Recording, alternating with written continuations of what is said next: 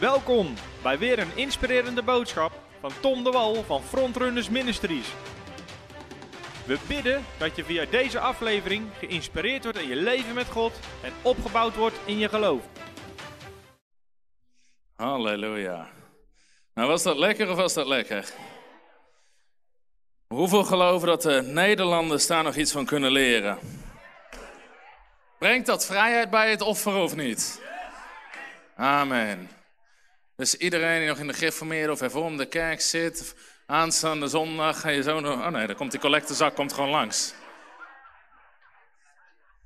Dan kan je blijven zitten, ja. Dat was ik even vergeten. Maar brengt het een stuk vrijheid of niet? Halleluja. Man, wat zou dat een hoop doorbreken als dit gewoon in Nederland wat normaler wordt. Amen. En dat ze gewoon zullen zien dat er vreugde is om te geven aan het koninkrijk van God. Amen.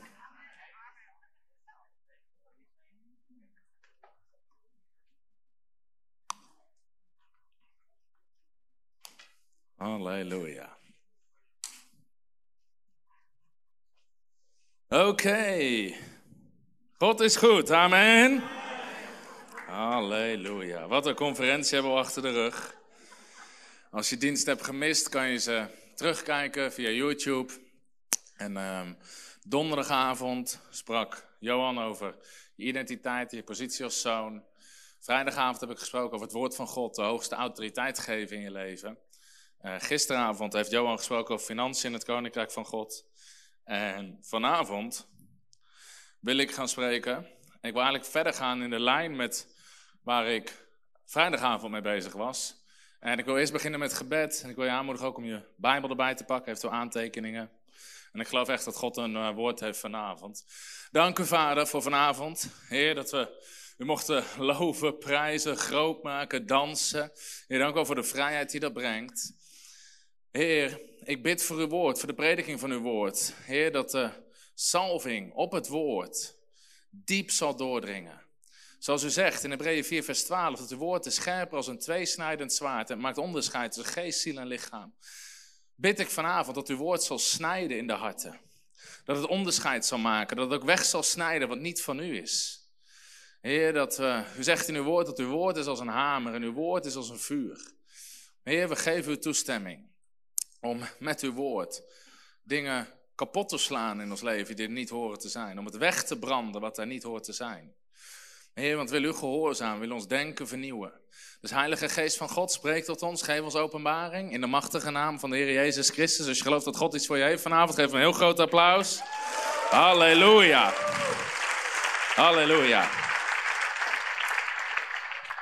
Nou, vanavond wil ik verder spreken in de lijn waarmee ik vrijdag dus begonnen was. Hoeveel hebben de preek van vrijdag gehoord? Steek je hand in de lucht.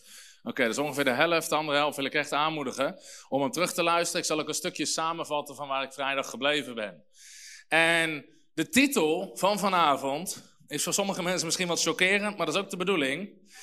De titel is namelijk: God bepaalt niet of jij genezen, gered of gezegend wordt.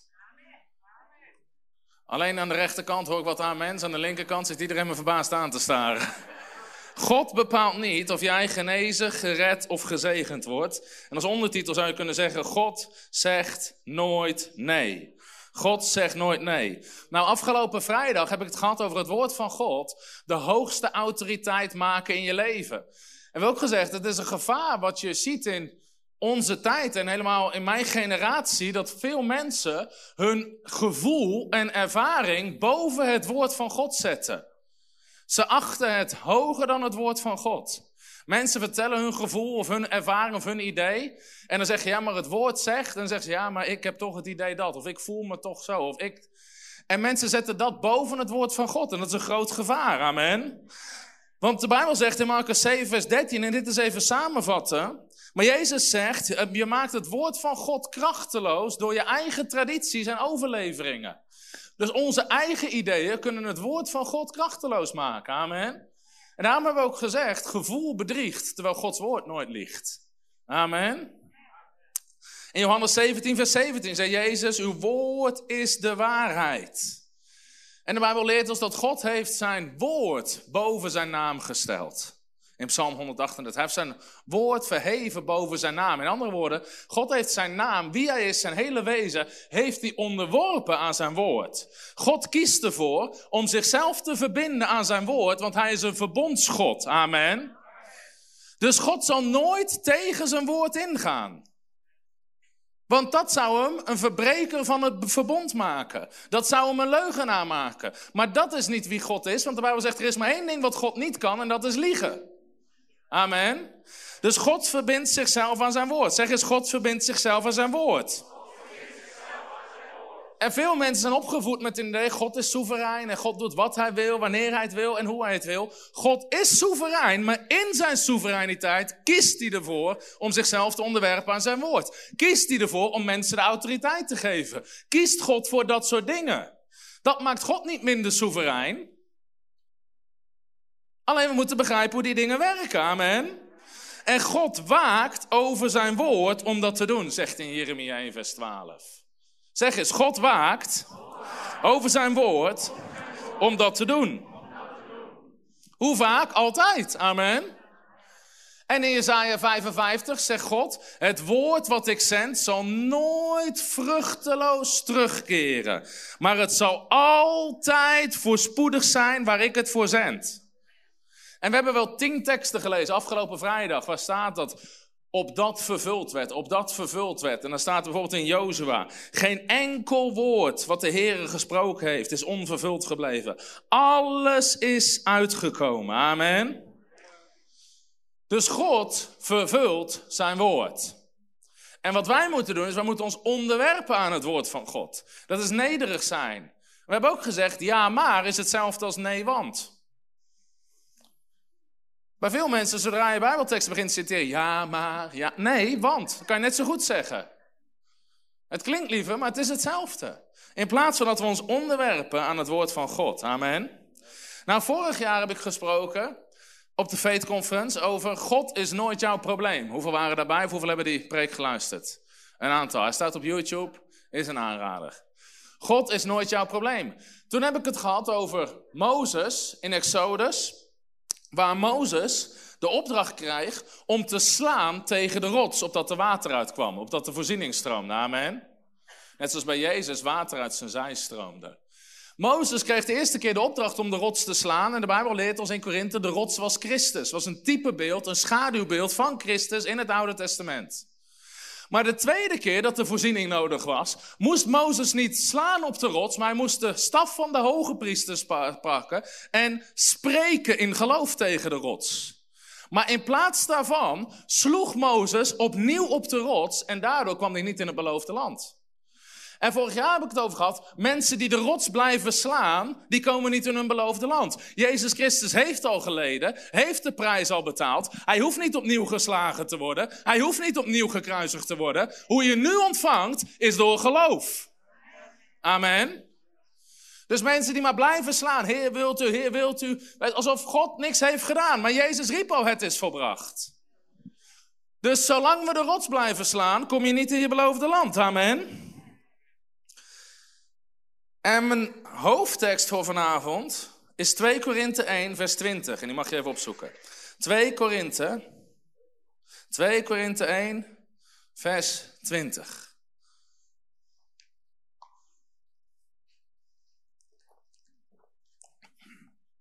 En ik wil vanavond echt wat dieper onderwijs geven, want ik geloof dat mensen echt bepaalde sleutels gaan oppakken. En dat deze boodschap je gaat zegenen. Als je 2 Korinthe 1 vers 20 hebt gevonden, zeg je prijs de Heer. Als je nog niet gevonden hebt, zeg je wacht even. Ik denk dat iedereen hem heeft, want ik hoor niks meer. 2 Korinthe 1 vers 2 en ik ga hem even een paar vertalingen lezen. De HSV zegt immers, zoveel beloften van God als er zijn, die zijn in hem, spreekt over Christus, die zijn in Christus ja, en in hem, amen, tot verheerlijking van God door ons. Zoveel beloften van God als er zijn, die zijn in hem ja en in hem amen. Tot verheerlijking van God door ons. De MBV 21 zegt het als volgt. In hem, in Christus, zeg eens in Christus.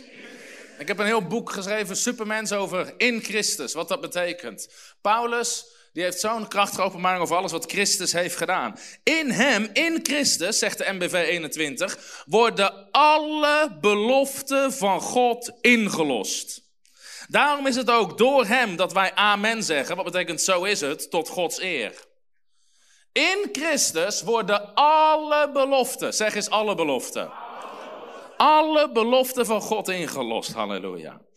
En de Bijbel in gewone taal zegt, want Christus zelf is Gods ja. Al Gods beloftes zijn door Christus uitgekomen. Dankzij Hem mogen wij amen zeggen en God alle eer geven. In Christus worden al Gods beloftes waargemaakt. Zoveel beloften van God als er zijn, zijn in Hem ja en in Hem amen. In andere woorden, God zegt nooit nee. En veel mensen zijn opgevoed met de religieuze zin. Soms zegt God ja, soms zegt God nee, soms zegt God wacht even. Hoeveel hebben die gehoord? Als het gaat over gebed, beloftes van God. Steek je hand hoog in de lucht, je hoeft je niet voor te schamen. Paulus zegt niet, zoveel beloften van God als er zijn. Soms zijn ze ja, soms zijn ze nee en soms zegt God wacht even. Paulus zegt, al Gods beloftes zijn ja en amen. Als God een belofte heeft gedaan, zegt hij nooit nee.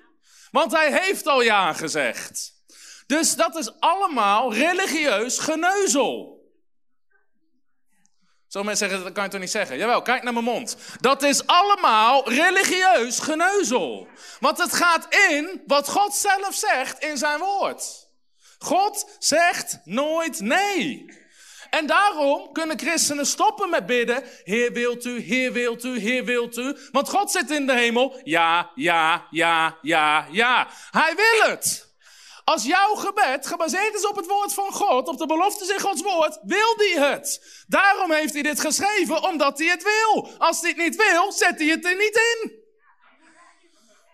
We hebben een Oude Testament en een Nieuwe Testament. Engels, in het Engels is testament his will. His last will. The new covenant is his last will. Yes, he will. Amen. God zegt nooit nee. God zegt altijd ja op al zijn beloftes. Waarom? Omdat God alles al gedaan heeft wat hij ooit had moeten doen. Onder het nieuwe verbond. Dus veel christenen, om even terug te pakken op vorig jaar, blijven op die rots slaan, denken dat God iets moet gaan doen, denken dat God in beweging komt, maar God zegt nooit nee, het ligt niet aan God. God heeft alles al gedaan. Wanneer? In Christus. Christus zelf is Gods ja. In Hem worden alle beloften van God ingelost. Christus zelf is Gods ja. Zeg eens, Christus zelf is Gods ja. Daarom zegt Romeinen hoofdstuk 8, als God nu eens, niet eens zijn eigen zoon gespaard heeft, hoeveel te meer zal u, hij u al het andere geven? Dus de mensheid had een gigantische nood. Ten eerste geestelijk, in het gebied van zonde. Daarnaast emotioneel, daarna lichamelijk, daarnaast financieel. De mensheid, omdat hij van God gescheiden was, had een gigantisch probleem. Maar God heeft allerlei beloftes daarover gegeven in zijn woord. En Christus zelf is Gods ja. God heeft elk gebied waar jij een nood hebt afgedekt in Christus Jezus. Halleluja, dat is een goeie op een tegeltje. Christus heeft alles al gedaan. Hij hoeft niet opnieuw aan het kruis. Wat heeft Jezus gedaan? Jezus heeft de prijs betaald voor onze zonde, ongehoorzaamheid en ongerechtigheden. Hebreeën 10, vers 10 zegt: Op de grond van die wil zijn wij geheiligd. Zeg eens, wij zijn geheiligd. Door het offer van het lichaam van Jezus Christus eens en voor altijd gebracht. Hoeveel zijn blij dat op het moment dat jij zondigt, je niet opnieuw Christus naar het kruis hoeft te dragen, maar dat hij zijn offer voor eens en voor altijd gebracht heeft. Halleluja. Hij heeft je niet alleen vergeven, hij heeft je gerechtvaardigd. Wat betekent dat je recht staat met God? Er staat niks tussen jou en God in. Voor eens en voor altijd gebracht. En vers 14 zegt, want met één offer heeft hij hen die geheiligd worden tot in eeuwigheid volmaakt. Halleluja. Ik ben en blijf een arme oude zondaar. Nee, jij bent tot in eeuwigheid volmaakt dankzij het bloed van Christus Jezus. Amen. Zeg eens, ik ben tot in eeuwigheid volmaakt. Halleluja. En de waarheid is zelfs, de Bijbel zegt in 1 Johannes 2, vers 2, hij is een verzoening voor onze zonde. Niet alleen voor de onze, maar voor de zonde van de hele wereld. Jezus Christus is voor de hele wereld gestorven. Bepaalt God nu of jij gered wordt? Nee, het is al gedaan. Wie bepaalt of jij gered wordt? Jijzelf. God heeft alles al gedaan. Al zo lief had God de wereld dat hij gaf zijn enige geboren zoon, dat ieder die in hem gelooft niet verloren gaat, maar eeuwig leven heeft. God heeft alles al gedaan van redding. Christus is al gestorven. En daarom zeg ik, God zegt nooit nee. En God bepaalt niet of jij gezegend, gered of genezen wordt. Ik ga er zo meteen nog wat dieper op in. Maar dit is een van de dingen waar ook de kerk hun denken in moet vernieuwen en christenen. Want een van de problemen in de kerk is dat we gehoorzaamheid hebben vervangen voor gebed. Ga ik nog een keer zeggen. We hebben gehoorzaamheid vervangen voor gebed. En ik ga even wat religieuze koeien slachten vanavond. Is dat goed? Dus als je er zo meteen in hoort loeien, dan was het hem. Hoeveel hier zijn opgegroeid in kerken waar regelmatig bidstonden zijn voor verloren mensen tot, tot geloof te laten komen? Steek je hand hoog in de lucht. Laat me één tekst zien in de Bijbel waar Jezus of de apostelen bidden voor de verloren mensen. Ik hoor een hele hoop gekraak, maar geen teksten. De reden is, zielen winnen gaat niet door gebed, maar door de prediking van het evangelie. Hoe kunnen ze geloven, zegt Paulus, als er niemand is die predikt? Geloof komt door het horen en het horen van het woord van God. Als je wil dat de zielen gered worden, ga niet bidden, ga preken. Ga het evangelie delen. Ga getuigen. Altijd als Paulus bidt of als Jezus bidt, bidt hij niet voor de verloren zielen, maar hij bidt voor de arbeiders.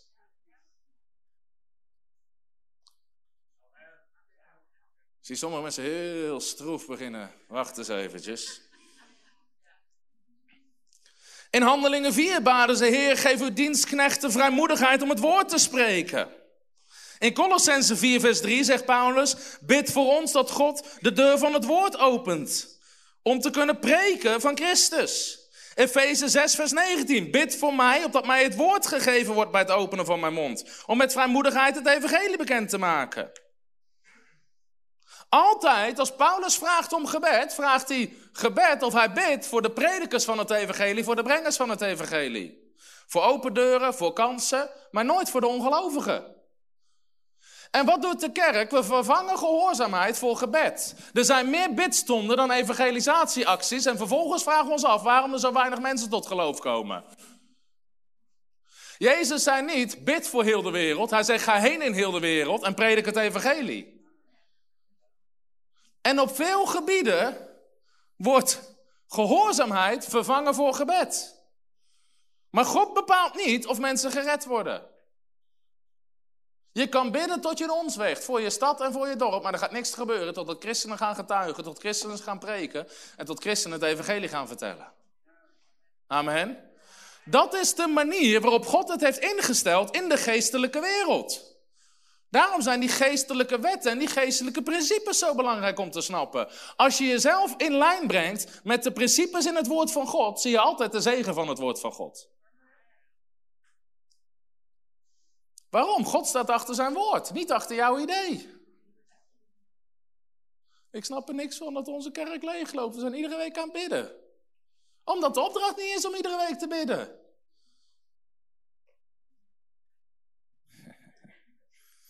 Dus bepaalt God nu of mensen gered worden? Nee. Nou, bepaalt God nu of christenen gezegend worden? Galaten hoofdstuk 3, vers 13, daar staat, Christus heeft, niet Christus gaat. Christus heeft ons vrijgekocht van de vloek van de wet, door voor ons een vloek te worden. Want er staat geschreven, vervloekt is een ieder die aan het hout hangt. Opdat de zegen van Abraham in Christus Jezus tot de heidenen zou komen en wij de belofte van de geest zouden ontvangen. Als we het hele stuk zouden lezen, dan staat er daarvoor, wij in Christus hebben dezelfde zegen ontvangen als Abraham. Efeze 1, vers 3, daar staat: God heeft ons gezegend met alle geestelijke zegeningen in Christus Jezus die er zijn. Dus bepaalt God nu of jij gezegend gaat worden? Nee. Oh man, ik zie mensen helemaal in shock. Hoe word je dan gezegend? Zoek uit wat het woord van God erover zegt. Doe het en je zal het hebben.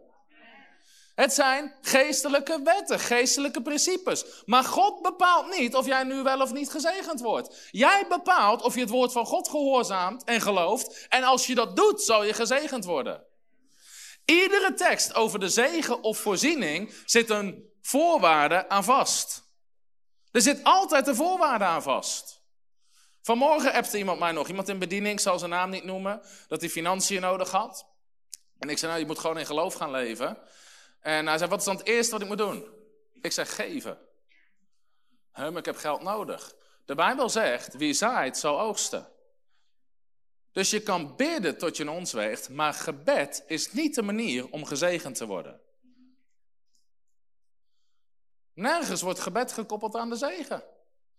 En christenen blijven maar bidden voor de zegen. God heeft het al gedaan, amen. Hij heeft de prijs al betaald. Nou, als het gaat om genezing en gezondheid. En ik ga sommige van deze dingen ga ik wat dieper in. 1 Petrus 2, vers 24. Daar staat over Christus, die zelf onze zonde in zijn lichaam gedragen heeft op het hout. Opdat wij voor de zonde dood, voor de gerechtigheid zouden leven. Door zijn striemen bent u genezen. Wat veel christenen denken over genezing, dat er staat, door zijn striemen gaat u genezen. Maar de waarheid is, door zijn streamen ben je genezen. Jezaja 53, vanaf vers 3 tot en met vers 5, vertelt ons dat Christus onze ziekte heeft gedragen aan het kruis en dat door zijn streamen jij genezen bent. In Matthäus 8, vers 16 en 17 staat dat ook. Maar Petrus zegt dus niet door zijn streamen gaat u genezen, maar door zijn streamen bent u genezen. Dus de vraag is, bepaalt God nu of jij wel of niet genezen wordt?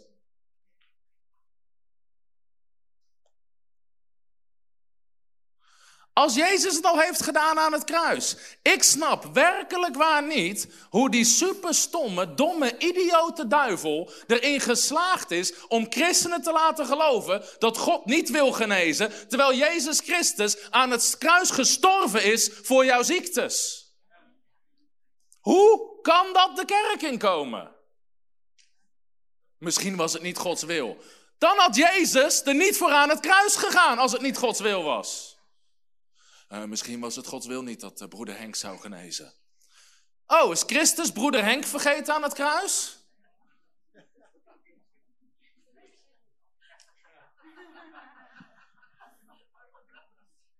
Bij wie merkte dat je een beetje begint te veranderen in je denken hierdoor? Steek je hand in de lucht. Want... Oké. Ik hoor het gewoon kraken bij sommige mensen. Nou, ik ga er zo meteen wat meer over zeggen. Maar God heeft de prijs al betaald voor iedereen zijn genezing. Net zoals de prijs al heeft betaald voor iedereen zijn zonde. En net zoals iedereen al gezegend is. Overwinning over de duisternis. Hebben we al gehad. De Bijbel zegt in Colossense 2 vers 15. Hij heeft overheden en machten ontwapend. Ze openlijk te schande gemaakt en daardoor over hen getriomfeerd. En Lucas 10, vers 19. Ik geef u de macht om op slangen en schorpioenen te trappen. De macht over alle kracht van de vijand. En niets zal u schade brengen. Ik geef u de macht, zegt Jezus. En Christus maar, heer, doe wat aan de duivel. Jij moet wat doen. Geef u de macht. Ik heb het vorige keer ook aangehaald. Alsof ik iemand mijn Bijbel geef. Hoe heet je? Alex. En Alex zegt, ik heb hem mijn Bijbel gegeven. En hij blijft zeggen, oh Tom, geef me je Bijbel. Oh Tom, geef me je Bijbel. Je hebt hem al. Maar dat is wat christenen doen. Hij heeft Je macht gegeven over slangen en schorpioenen. Daarom zegt de Bijbel, bied weerstand aan de duivel, uw tegenstander. Niet Gods tegenstander, die heeft hem al onder zijn voet zitten. Maar nu moet jij in je autoriteit gaan staan. En christenen blijven maar bidden. Maar het ligt bij jou. Hij die in u is, is groter dan hij die in de wereld is. Niets zal u schade toebrengen, zegt Jezus. Zeg eens, niets, zal mij schade toebrengen. Daarom zegt Galaten 4, vers 1. Zolang de erfgenaam, dit spreekt over onze erfenis in Christus, een onmondig kind is, dus nog niet volwassen is, nog een baby is, verschilt hij in niets van een slaaf, terwijl hij heer is van alles. In Christus ben jij heer van alles. Veel christenen lijden aan het oudste zoon-syndroom. Toen de verloren zoon thuis kwam en die oudste zoon die stond buiten, hij was de echte verloren zoon. Want dan zegt hij tegen zijn vader, ja hallo, ik ben altijd hier en u heeft nog nooit voor mij een feest. En wat zegt de vader? Man, al het mijne is het jouwe. Die zoon zat ook te wachten tot de vader iets ging doen, terwijl de vader het al lang gegeven had.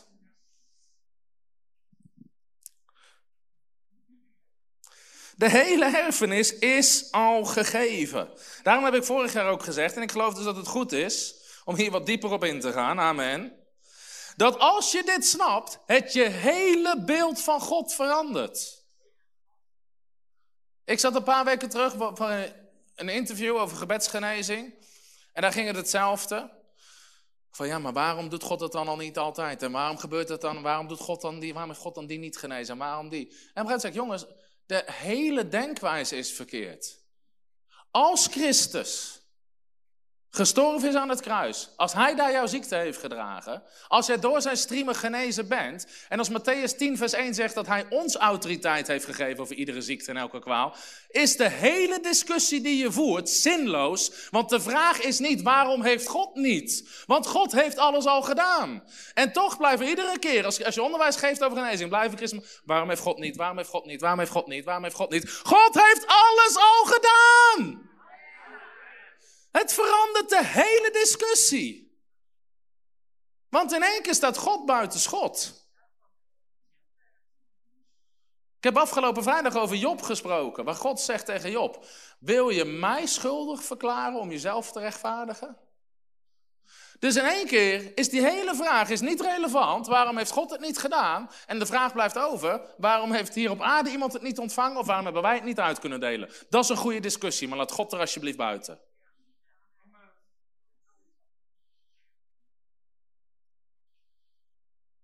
Er zijn gewoon christenen van het geloof weggelopen. Van, ja, God is soeverein, hij doet wat hij wil. Nee, lekkere boodschap, dode baby, lekker. Waarom heeft God het niet gedaan? Houd toch op. Heel veel mensen willen niks met God te maken hebben. Omdat de kerk God verkeerd vertegenwoordigt.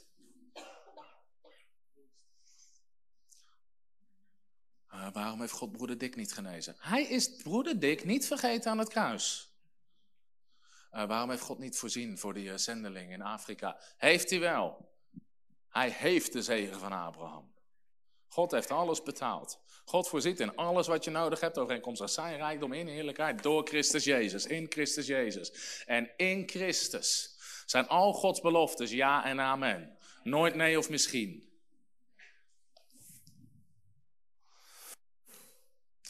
Twee Petrus 1. Ik ga zo meteen nog wat dieper op dingen in, maar ik heb het gevoel dat we dingen aan het raken zijn deze avond. 2 Petrus 1. Laten we vanaf vers 2 doen. Man, hier zit zoveel in. Daar staat 2 Petrus 1 vanaf vers 2. Mogen genade, dat is de garis, de, wat God geeft. Mogen genade en vrede, shalom. Dat betekent de hele heelheid, de vrede, totale vrede van wat God heeft. Voor u vermeerderd worden door de kennis van God. Wacht eens even, wat staat hier? Hoe wordt Gods genade, hoe wordt Gods shalom over je leven vermeerderd? Door de kennis van God en van onze Heer Jezus Christus. Daarom zegt de Bijbel, mijn volk gaat ten gronde door een gebrek aan kennis. Immers, zijn goddelijke kracht heeft, niet gaat, heeft, heeft ons alles geschonken wat tot het leven en de godsvrucht behoort. Door de kennis van Hem die onze voorgroep heeft in zijn heerlijkheid en deugd. Zijn goddelijke kracht heeft. Man, dit is goed nieuws. Als je iedere ochtend op kan staan, halleluja, zijn goddelijke kracht heeft mij alles geschonken. Wat tot het leven en de godsvrucht behoort. En ik zeg dit vaker, ik heb er vaker boze reacties op gehad en ik ga het weer zeggen. Ik snap niet hoe sommige christenen depressief kunnen zijn. Man, ik sla mijn Bijbel open, ik lees die tekst en ik ben blij. Halleluja. Ik heb al gezegd, Christus is opgewekt en ik ook. Halleluja.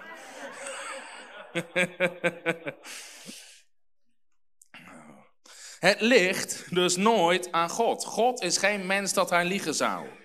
Of een mensenkind dat hij berouw zou hebben. Zou hij het zeggen en het niet doen? Zou hij spreken en niet gestand doen? Nummer 23, vers 19. Een andere vertaling zegt, zou hij beloven en het niet vervullen?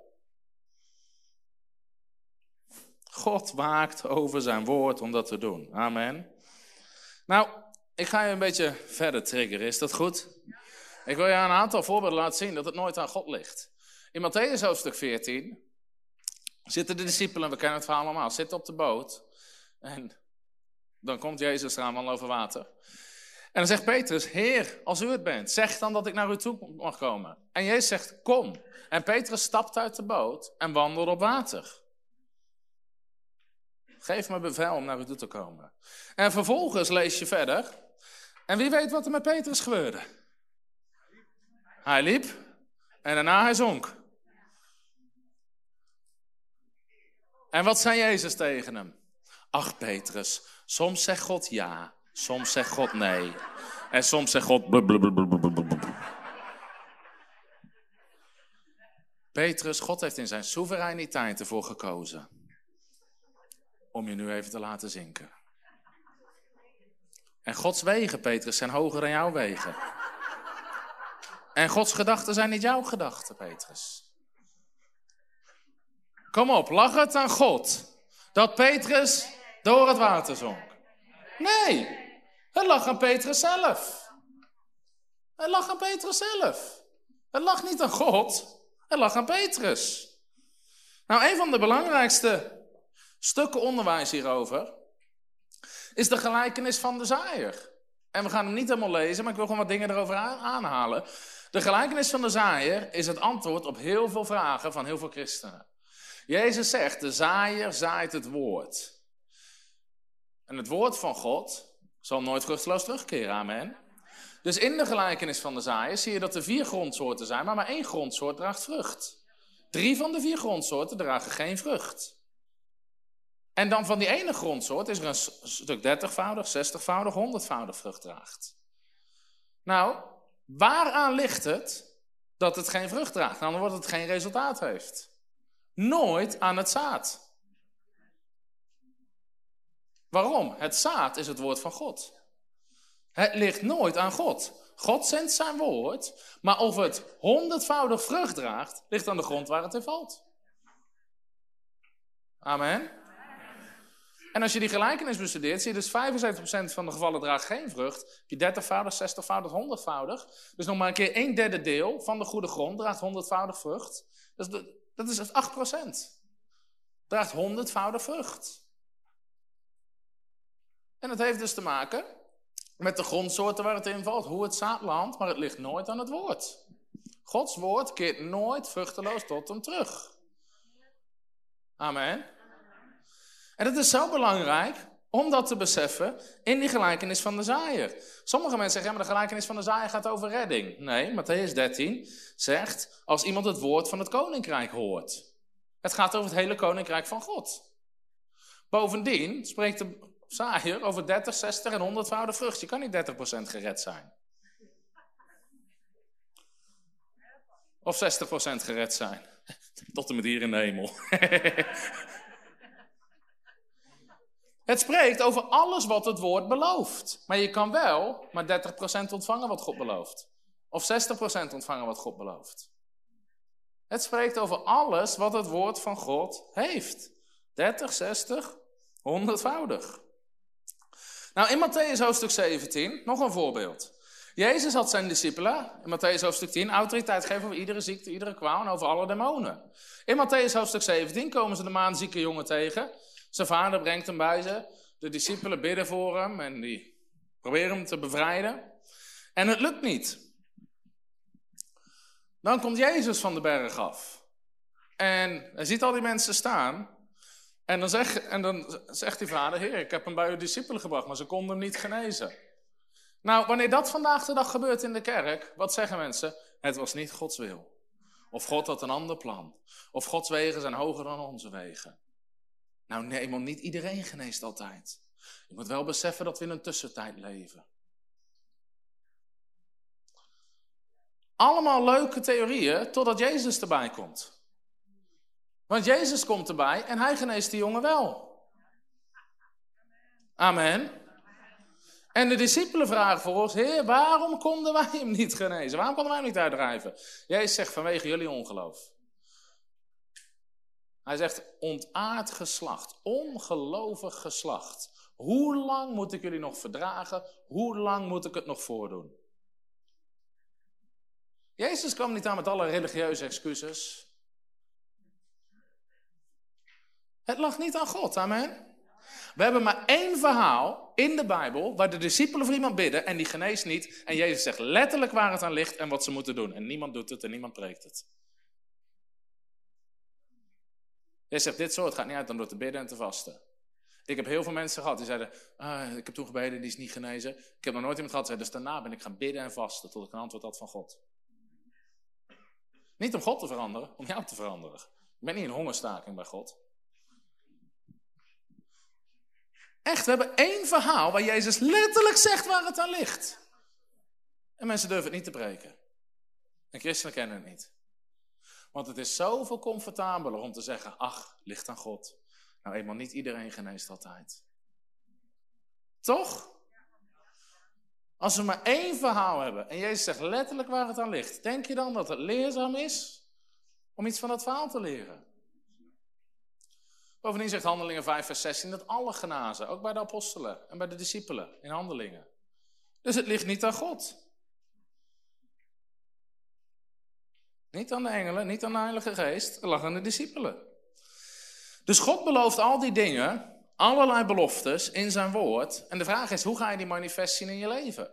En daar wil ik vanavond wat dieper op ingaan.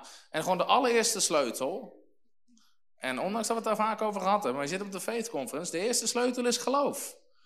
En we zouden nog honderd keer over geloof kunnen preken. Dan zouden mensen zeggen, wanneer stop je met preken over geloof? Nooit.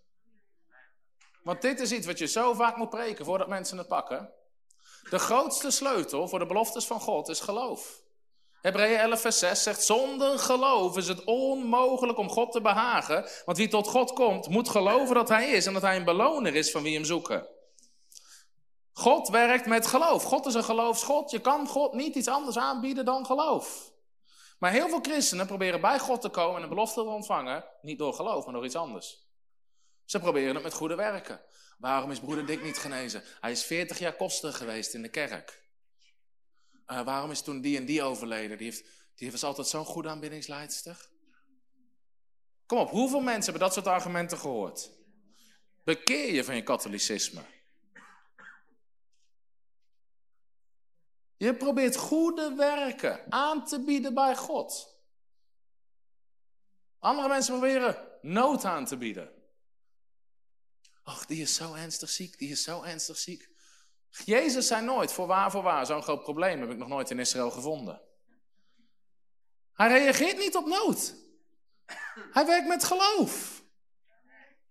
Heel veel mensen denken, als maar erg genoeg is, als het maar erg genoeg is, dan moet God iets doen. En waarom doet God niks in Afrika en in de sloppenwijken? Omdat God niet werkt met nood. Heel de wereld heeft één grote nood, namelijk dat ze verloren zijn zonder Christus Jezus. Maar je wordt niet automatisch gered, je wordt gered door geloof.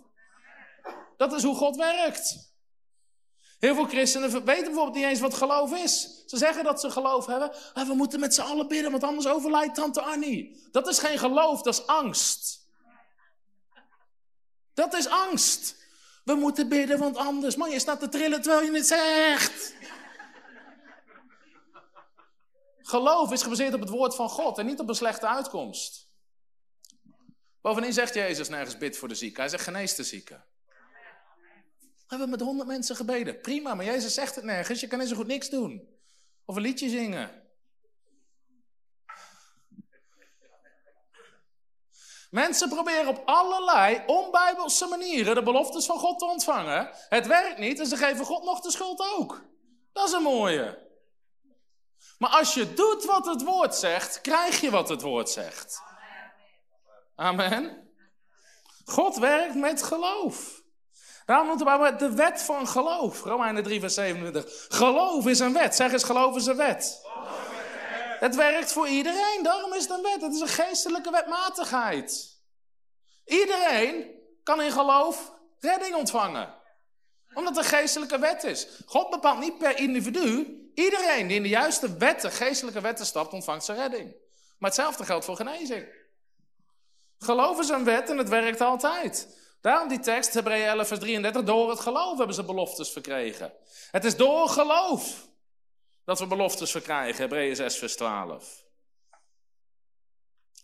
Dus geloof kan je blijven preken en preken en preken. Daarom hebben we ook heel de Faith School hebben we online staan.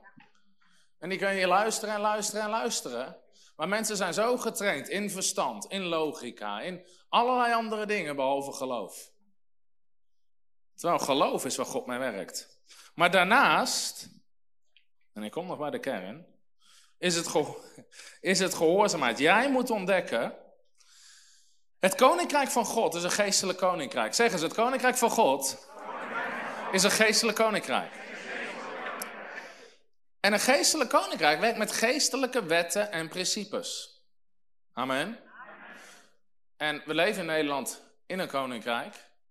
Dus we hebben het koninkrijk der Nederlanden. Dan heb je allerlei natuurlijke wetten, belastingwetten, verkeerswetten, heb allerlei wetten. En als je in het koninkrijk van de Nederlanden gezegend wil zijn, mee wil functioneren, moet je meestal met de wetten die hier zijn.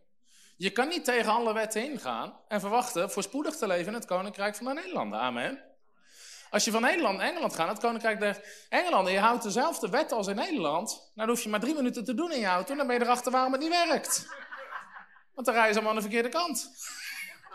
Voor ons, maar zij vinden dat de goede kant is. Maar het koninkrijk van God is een geestelijk koninkrijk met geestelijke wetten en principes. En allerlei beloftes en zegeningen. Maar je moet er dus achter komen, hoe werkt dat koninkrijk? Wat zijn de geestelijke wetten en principes van het koninkrijk op het gebied waar ik mee bezig ben? En daar heb je openbaring voor nodig. Jij moet in het woord van God de sleutels gaan ontdekken en toepassen die God geeft rondom bepaalde thema's en beloftes. Want niet alles werkt hetzelfde. Daarom zei Jezus, ik geef jullie de sleutels van het koninkrijk. Het koninkrijk van God werkt met sleutels. Zeg eens sleutels. sleutels. Het koninkrijk van God werkt met sleutels. Ik hoef straks niet te bidden of mijn auto open gaat, want ik heb de sleutel. Ik hoef thuis niet te bidden of de deur open gaat, want ik heb de sleutel. Dus als ik de sleutel heb, hoef ik niet te bidden, maar ik moet de sleutel gebruiken. En het koninkrijk van God heeft sleutels over ieder gebied waar het koninkrijk over spreekt. Dus je moet die sleutels ontdekken. Jezus verweet de fariseeërs in Lucas 11 vers 52. Wee u schriftgeleerden, want jullie hebben de sleutels van kennis weggenomen en u bent zelf niet binnengegaan. Zegt hij over het koninkrijk. Jullie hebben de sleutels van kennis weggenomen. Het koninkrijk van God werkt met sleutels van openbaring. En als je ze toepast, zal je krijgen wat het zegt. Makes this? Dus zodra het woord van God ergens over spreekt, weet je wat veel christenen als eerste doen? Bidden. Ik bid ervoor. Maar gebed is lang niet voor alles de sleutel. Christenen denken dat ze een master key hebben. Ik bid, ik bid, ik bid gewoon, ik bid gewoon. Gebed is geen master key. Je krijgt niet alles door gebed. Voorziening werkt niet door gebed. Je kan bidden en vasten. Dat je letterlijk een ons weegt. Mensen kunnen handen op je leggen, tot je geen hamer hebt op je hoofd. Tot een vingerafdruk in je schedel staan. Maar voorziening werkt niet met gebed. Voorziening werkt met andere geestelijke wetten. Elk ding in het koninkrijk werkt met zijn eigen wetten en principes. En daarom bidt Paulus dat de ogen van je geest verlicht mogen worden. Opdat je openbaring krijgt van de rijkdom van zijn erfenis. De hoop van zijn roeping en de alles overtreffende kracht. Paulus bidt voor openbaring. Nou, het werkt wat dat betreft hetzelfde met de natuurwetten. Kijk, de geestelijke wereld is hier altijd al geweest. Amen. Hebreeën 11 zegt, door het geloof nu zien, we, zien we dat deze zichtbare wereld niet ontstaan is uit het zichtbare, maar uit het onzichtbare. Dus de geestelijke wereld is een grotere realiteit dan de natuurlijke wereld.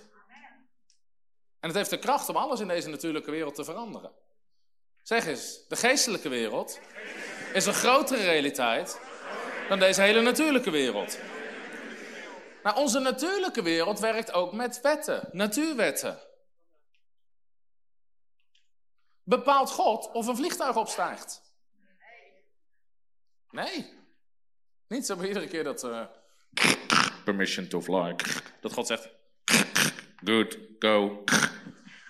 Als ze gewoon in lijn zijn met de natuurwetten, werkt het. Weet je, je kan het vergelijken met. Weet je, God heeft zijn kant gedaan. Je kan het vergelijken met thuis. Je kan bij de kraan gaan staan. Heer, ik bid dat de kraan werkt. Ik bid dat de kraan werkt. Maar jij moet dat ding opendraaien. Dat waterbedrijf levert wel. Die leiding, daar staat wel druk op. Maar jij moet iets gaan doen, amen. Nou, in, natuur, in het natuurlijk is dit ook zo. Nogmaals, je hebt de wetten van, je hebt de wetten van zwaartekracht en aerodynamica. Toen ik thuis, waren thuis, bij ons thuis had alleen Nederland 1, 2 en 3. Die is ook opgevoerd is met alleen Nederland 1, 2 en 3. Maar mijn oma die had kabeltelevisie, halleluja. Dus af en toe gingen we, zie sommige mensen, oeh, van de duivel denken ze nog steeds, maar goed. uh, af en toe gingen we naar mijn oma toe logeren en had je dan programma's die je thuis niet kon kijken. En je had op National Geographic of, of um, Discovery Channel had je dan zo'n programma. En die deed onderzoeken naar vliegtuigcrashes. Ik weet niet of iemand dat wel eens gezien. En dat was altijd, was altijd ook heel spannend muziekje onder. Maar goed, dan was er een vliegtuig gecrashed. En dan gaat er een team onderzoekers gaat naar waar die vliegtuig is gecrashed. En dan zijn ze altijd op zoek naar de black box. Ik heb in dat programma geleerd dat hij niet zwart is, maar oranje. Want anders kan je hem niet vinden op de bodem van de zee. Dus je leert zo'n hoop. En in ieder geval, dan gaan ze dus onderzoeken hoe heeft dat vliegtuig kunnen crashen. En dan gaan ze alle gegevens natrekken. Wat hebben de piloten gezegd? Hoe was de druk in de cockpit? Hoe was de techniek? Hoe was de... En soms zijn ze maanden aan het onderzoeken. En soms zeggen ze, oh, het lag hier aan. Of ze zeggen, oh, het lag daar aan. Of het lag hier aan. En soms zeggen ze, kunnen niks ontdekken. Maar weet je wat nooit de conclusie is? De zwaartekracht deed niet meer.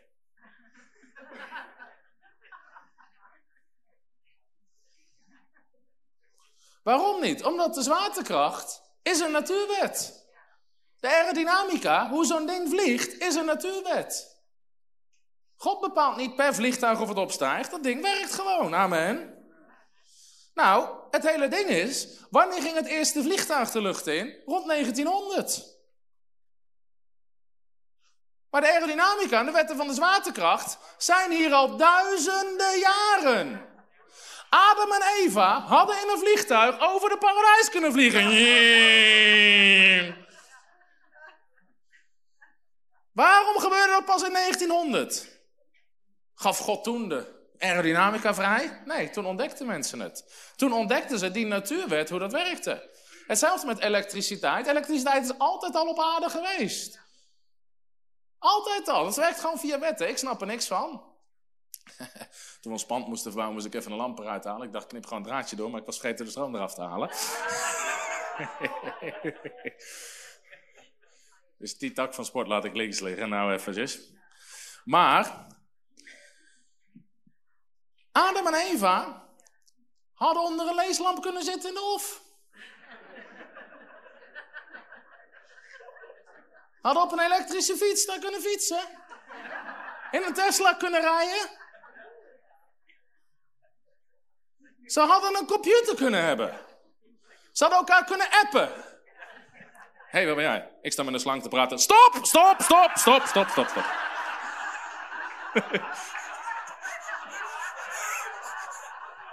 TikTok, Talking Snake. 6 miljard dislikes in de jaren daarna. Ze hadden WhatsApp kunnen hebben. Ze hadden een lamp kunnen hebben, een fiets, een Tesla. Ze hadden alles kunnen hebben. Want alles was er al op aarde wat daarvoor nodig was. Er is niks nieuws uitgevonden, er zijn geen nieuwe natuurwetten. Alleen mensen hebben later ontdekt hoe het werkt. Maar dat lag niet aan God, amen. Waarom? Vanaf Gods kant werkt het. En nu, in de geestelijke wereld, zijn er geestelijke wetten. En vanaf Gods kant werkt het altijd. Alleen mensen moeten ontdekken hoe het werkt. Dus net zoals met een vliegtuig nooit de conclusie kan zijn, de zwaartekracht werkte niet, kan over iemand die niet gered wordt nooit de conclusie zijn, het bloed van Jezus werkte niet. Kan iemand die niet genezen werd, nooit de conclusie zijn, de striemen van Jezus deden niet. Dat is een constante wet in de geestelijke wereld. Gods kracht tot redding, tot genezing, die stroomt constant. En nu moeten wij erop leren intappen, inschakelen. Net zoals met elektriciteit, net zoals met water, net zoals met aerodynamica. Wij zijn degene die moeten leren hoe dat werkt. Dus God bepaalt niet per individu wie er geneest. God zit niet op de troon en iemand is aan het bidden voor genezing. En dat zo'n briefje omhoog komt, een engel Gabriel. Ja. Nee, nee, nee, nee, nee. nee. Ja, ja, deze wel, ja. Mensen denken dat God zo op zijn troon zit. God bepaalt niet wie er geneest. Iedereen is al genezen. God stroomt, God stroomt. Man, die stroom die staat aan. God heeft het al gedaan. Alleen wij moeten leren in te tappen, amen. God bepaalt niet of jij genezen wordt. God bepaalt niet of jij gezegend wordt. God bepaalt niet of jij gered wordt. Het is een wet. Het is een wet. Weet je, als het niet altijd werkt, maar af en toe is het geen wet, maar een fenomeen. Als die, als die vliegtuigen af en toe in de lucht opstijgen, dan heb je een natuurverschijnsel wat heel, heel bijzonder is. Maar die dingen gaan altijd, amen. Ga eens mee naar Marcus hoofdstuk 5.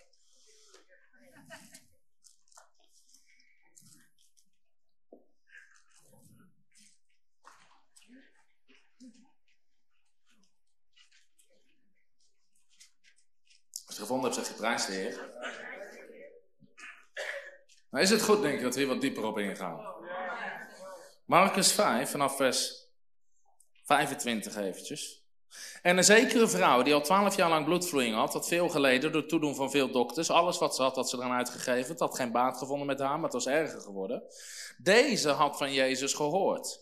Ze kwam van achteren de menigte in, raakte zijn bovenkleed aan, want zij zei, als ik maar zijn kleren kan aanraken, zal ik gezond worden. En meteen droogde de bron van haar bloed op en merkte zij aan haar lichaam dat ze van die aandoening genezen was. En meteen toen Jezus merkte dat de kracht van hem uitgegaan was, keerde hij zich om in de menigte en zei, wie heeft mij aangeraakt? En de discipelen zeiden tegen hem, u ziet dat de menigte tegen u opdringt. En u zegt, wie heeft u aangeraakt?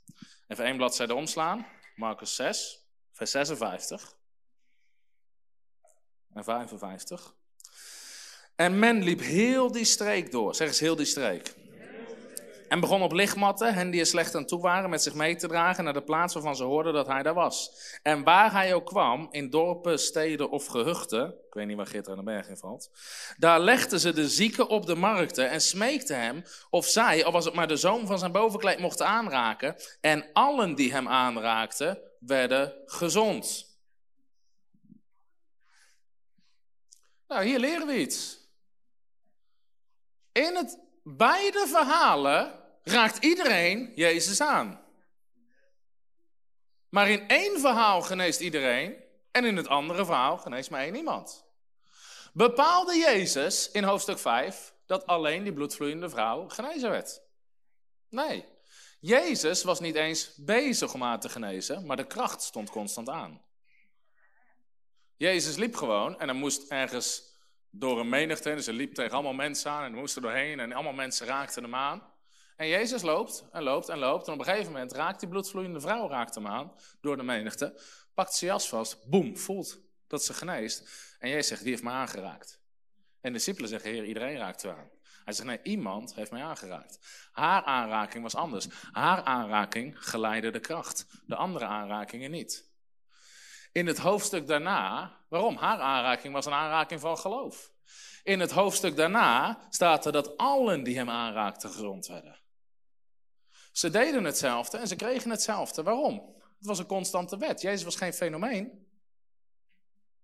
Jezus bepaalde niet soeverein, God bepaalde niet soeverein dat die bloedvloeiende vrouw die dag genezen werd. Wie bepaalde of ze genezen werd? Oh, kom op. Die vrouw zelf. Ik word hier al jaren bekritiseerd en daarom zeg ik nog een keer. Geloof wacht niet af wat er gebeurt, geloof bepaalt wat er gebeurt. Zie je dit? Dit is gewoon het woord van God. En in het volgende hoofdstuk werd iedereen genezen. Daarom zeg ik, God bepaalt niet of jij geneest. Nou, er zijn heel veel principes over genezing. Ik heb even geloof aangehaald, zouden we vijf dagen over kunnen spreken. Maar er is een andere, weet je, genezing werkt ook met geestelijke wetten, met principes. Daarom ik mijn boek Jezus aanraken. Kan je... Hoe iedereen kan genezen door Jezus aan te raken. Je wil niet weten hoe vaak wij bekritiseerd worden. Haha, zeven stappen. Haha, zeven stappen. Het zijn zeven geestelijke principes en ze werken voor iedereen. Mensen vinden de titel aanstootgevend, hoe iedereen kan genezen door Jezus aan te raken. Ik zou het aanstootgevend vinden, als ik erop had gezegd, hoe sommigen kunnen genezen door Jezus aan te raken.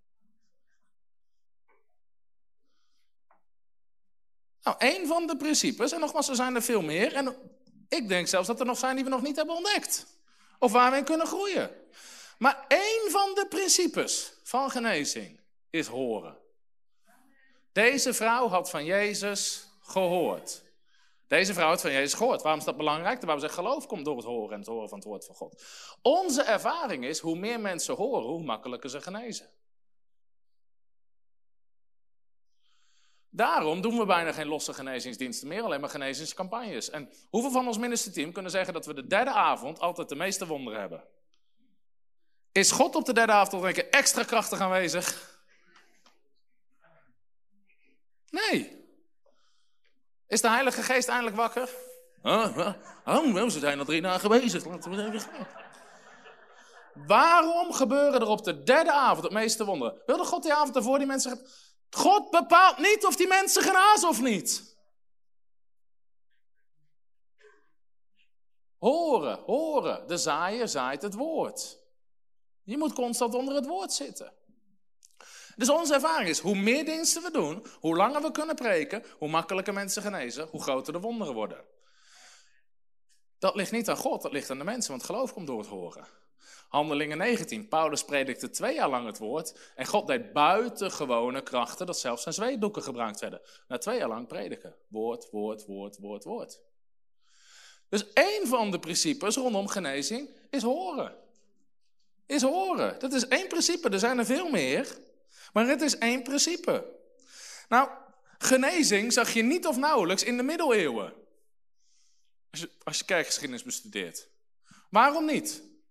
Wilde God niet genezen? Nee, er was niemand die in de principes rondom genezing wandelde.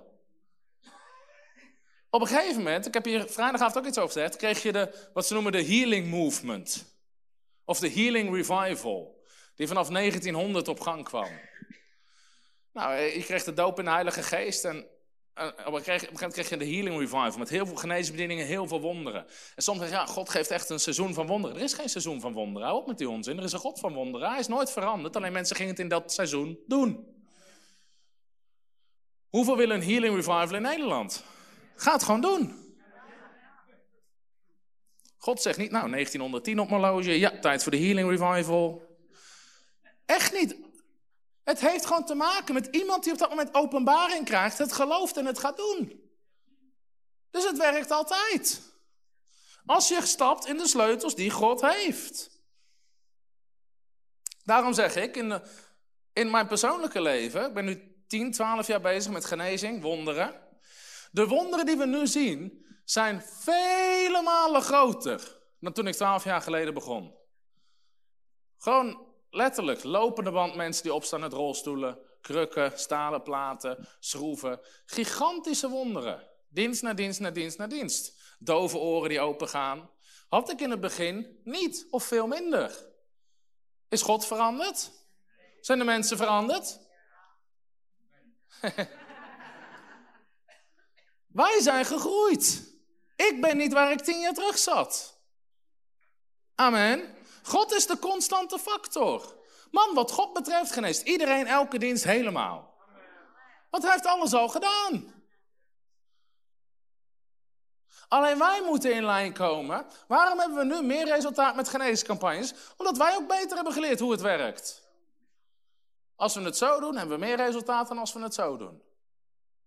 Weet je, Thiel Osborne deed heel vaak een campagne van één of twee weken. En op de eerste avond bad hij alleen voor mensen die doof waren één oor. De een naar de ander genas. En zegt hij morgenavond volgende dienst. Waarom? Niet omdat God niet meer mensen wilde genezen. Hij zei, het eerste geloof is gebouwd. Veel wonderen gebeurd, woord is gezaakt. En hij zegt, hoe langer we doorgaan, hoe groter de wonderen werden. Waarom? Geloof komt door het horen. Horen is zo'n grote sleutel. Het is zoiets wat ontbreekt in onze tijd. Maar mensen zijn allemaal op de kerkdiensten gewend, waar een hele grote klok achterin staat af te tikken. En een preek van 20 minuten en de bijbeltekst van de dag en we gaan weer verder. Ja, waarom gebeuren er weinig wonderen? Omdat je niet wandelt in de wetten van Gods koninkrijk. Als kerk hem uitnodigen. We willen een genezingsdienst doen. Je kan 30 minuten preken. Kom ik niet. Ik kom niet. Waarom? Ik kan niet tegen die wetten van Gods koninkrijk ingaan, maar wel verwachten dat het werkt. Ik stop met religieuze spelletjes. Ik was in de kerk, ik zal geen namen noemen. En dan, uh, ja, je hebt twintig minuten om te preken en, uh, en wil je daarna een gebed bidden voor genezing vanaf het podium? Nee. Hoe bedoel je nee? Gewoon zo, nee, N-E-E. Waarom niet? Omdat dat niet is hoe het werkt. En dan kunnen we zeggen, ja, zo stond er wel even gebeden van het podium en er is niks gebeurd. Ik zeg, als we genezingsdienst doen, preek ik zolang ik wil en ik doe het hoe ik het wil. Wil ik iedereen naar voren, hand opleggen, zalf met olie, zweetdoek om mijn oren slaan, ik doe het zoals ik het wil. Oh, oh nee, laat uh, dan maar zitten. Prima. Na de dienst komt iemand naar me toe. Uh, ja, mijn uh, dochter zit achterin in een rolstoel. Ze gelooft niet in genezing. Ze is ook heel erg teleurgesteld. zou je voor de willen bidden voor genezing? Nee. Sorry? Nee. waarom niet? Je zegt ze gelooft niet in genezing. Dus waarom zou ik dan? Het werkt door geloof. Als zij er niet in gelooft, werkt het niet. Maar wil je echt? Ik wil echt niet. Ja, maar hier heb je mijn boek. Lees het. Ga het doen. En je zal genezen. We kregen laatst een. Weet je, we hebben, ik zeg vaak als mensen in een rolstoel komen, soms. En ik vraag, wanneer welke avonden ben je nog meer? Oh, dan en dan ook. Ik zeg, oké, lees dit boek zo ver als je kunt. En de laatste avond, boem, de een naar de ander. Waarom? Ze zitten onder het woord, woord, woord. Dat is hoe het werkt. Dat is één van de wetten, er zijn er veel meer. Maar geloof komt door het horen. Geloof komt door het horen. Dus nu zien we veel meer wonderen, maar ik heb principes ontdekt. Ik ben gegroeid in geloof, ik ben gegroeid in de kracht van de Heilige Geest, maar dat ligt niet aan God. Amen. En heel veel dingen moeten gewoon opnieuw ontdekt worden. Het principe van horen, het principe van geloof. Weet je, ik word soms, ik kan boos worden om sommige dingen die ik lees. Ik las laatst, ik noem geen namen, dat doe ik heel goed. Ik las laatst een boek van echt een bekende genezingsprediker in Nederland. Over wonderen. En ik lees dat boek en dan gaat het erover. God doet niet altijd een wonder. En dan vertelt hij een verhaal. Ja, er kwam dit jongetje, kwam naar voren. Had een ziekte, ik weet niet precies meer wat. En die had echt geloof, maar hij genas niet. Want hij zei, hij zei tegen hem: Heer, meneer, wilt u voor mij bidden? Ik weet zeker dat ik genees. Of het nu is of later in de hemel, weet ik niet. En ik bad en er gebeurde niks. En zo zie je toch dat zelfs als er geloof is, dat er niet altijd. Dat is geen geloof. Nu of later, dat weet ik niet. Dat is geen geloof. Geloof is de zekerheid van dingen die je hoopt. De bewijs wat je nog niet kan zien. Geloof is leg handen op mij en ik zal genezen. Dat is geloof. Maar we noemen het geloof. We noemen iets wat geen geloof is, noemen we geloof. Vervolgens gebeurt het niet. Dan krijgt God weer de schuld. Mensen hebben allerlei eigen definities van geloof. Geloof legt het in de handen van God en wacht af wat hij wil. Nee, geloof pakt uit de handen van God wat God al heeft betaald. Allemaal religie. Allemaal religie. Maar we moeten in lijn komen met de wetten. Amen. Dat is waar God mee werkt. Dus ik ga niet tegen alle wetten in en verwacht dat er dan van alles moet gebeuren. Zelfs van Jezus staat er. Hij kon daar niet veel wonderen doen door een ongeloof. In Matthäus 13, vers 58. Als Jezus het niet kon, waarom denk je dat mensen het hier wel kunnen? Huisgebedsgenezing werkt, laat ze naar de ziekenhuizen gaan. Man, je wil niet weten hoe vaak ik daaruit geschopt ben. Wie nog meer? Wie komt u bezoeken? Iedereen. Hey. Rode vlaggen. nou, mijn punt is, wij we kunnen leren hierin. Amen. Genezing is, redding is 500 jaar terug te kijken in de reformatie. Gewoon dat je gered wordt door genade en geloof. Luther, Calvin, dat... Maar als je de eerste 200 jaar bestudeert, rond 1700, hebben mensen nog massaal moeite om te geloven dat God ze wil redden door genade en geloof. Ze kunnen het niet geloven, want ze is uitverkiezing geleerd en goede werken.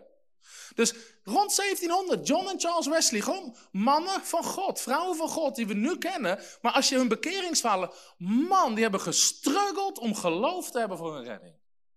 Ze konden het niet geloven. En hoe moet ik dan niet heilig genoeg leven? heilig leven, heilig leven, heilig leven, goede werken doen. En misschien wil God me wel niet redden. Waarom? Uitverkiezing en goede werken. Dat duurde een paar honderd jaar voordat er geloof was voor redding.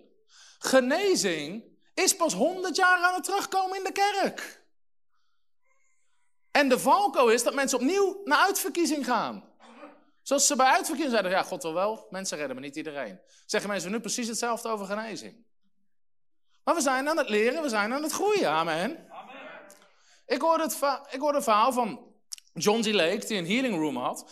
Dus bij John G. Lake, hij genas heel veel zieken, werd groot door God gebruikt. En als mensen niet direct ontvangen, op een gegeven moment had hij healing rooms op verschillende plekken. En had een healing room, volgens mij was het in Oostenrijk of in Zwitserland. En na die healing room mocht je alleen gaan als je terminaal ziek was en de artsen niks meer voor je konden doen. In andere woorden, je was bijna dood. Dan mocht je erheen. En in zo'n healing room, op die plek, kwamen 5500 mensen. Wat deden ze bij die healing room? Daar zaten ze mensen heel dag om te onderwijzen uit het woord, onder het woord, onder het woord. Mensen te helpen, persoonlijk te begeleiden. Hoe werkt geloof voor genezing? Hoe werkt het? En in die healing room, van de 5500 mensen, die dus alle 5500 hadden moeten sterven in, in binnen een aantal weken of maanden, van de 5500 overleden er 15. Alle anderen werden volkomen genezen. Waarom? Omdat ze in lijn kwamen met de principes van Gods woord. En ze hadden het blijkbaar nodig om het vaker te horen. Ik hoorde een andere voorganger zeggen, die, hij was eerst 14 jaar voorganger van, van verschillende kerken. Hij zegt, in mijn 14 jaar voorgangerschap is er nooit één gemeentelid overleden aan ziekte. Iedereen die ziek werd, werd boven natuurlijk genezen. Hij zei, maar het waren kleine gemeentes. Ik was vol, voltijd voorganger. Dus zodra iemand ziek werd, had ik genoeg tijd om ze te onderwijzen en te helpen en bij te sturen, hun denken te vernieuwen. En hij zegt, het resultaat was 100% genezing. Hij zei, daarna had hij 12 jaar lang een, rond, rondreizende bediening. Maar in die tijd, 1900, bleven ze zes weken lang in één kerk. En het waren kerken met 40, 50, 60 mensen. En deden ze twee diensten per dag, s morgens en s avonds. Hij zegt, in die tijd hadden we 100% resultaat met genezing. Waarom? Je had een kleine groep, je was er weken aan een stuk, omdat het een kleine groep was, konden mensen met vragen komen, je kon ze één op één helpen, je had genoeg tijd om met ze te bidden, ze bij te sturen, al die dingen meer. Hij zegt, in die tijd hadden we 100% resultaat met genezing. Hij zegt, later, toen de bediening groter werd, toen hadden we niet meer 100%. Waarom niet? De tijd veranderde, mensen hadden minder tijd. Je was korter in een kerk, een weekend of hooguit een week. En het waren groepen op een gegeven moment, dat zijn bediening groeide van honderden tot duizenden mensen.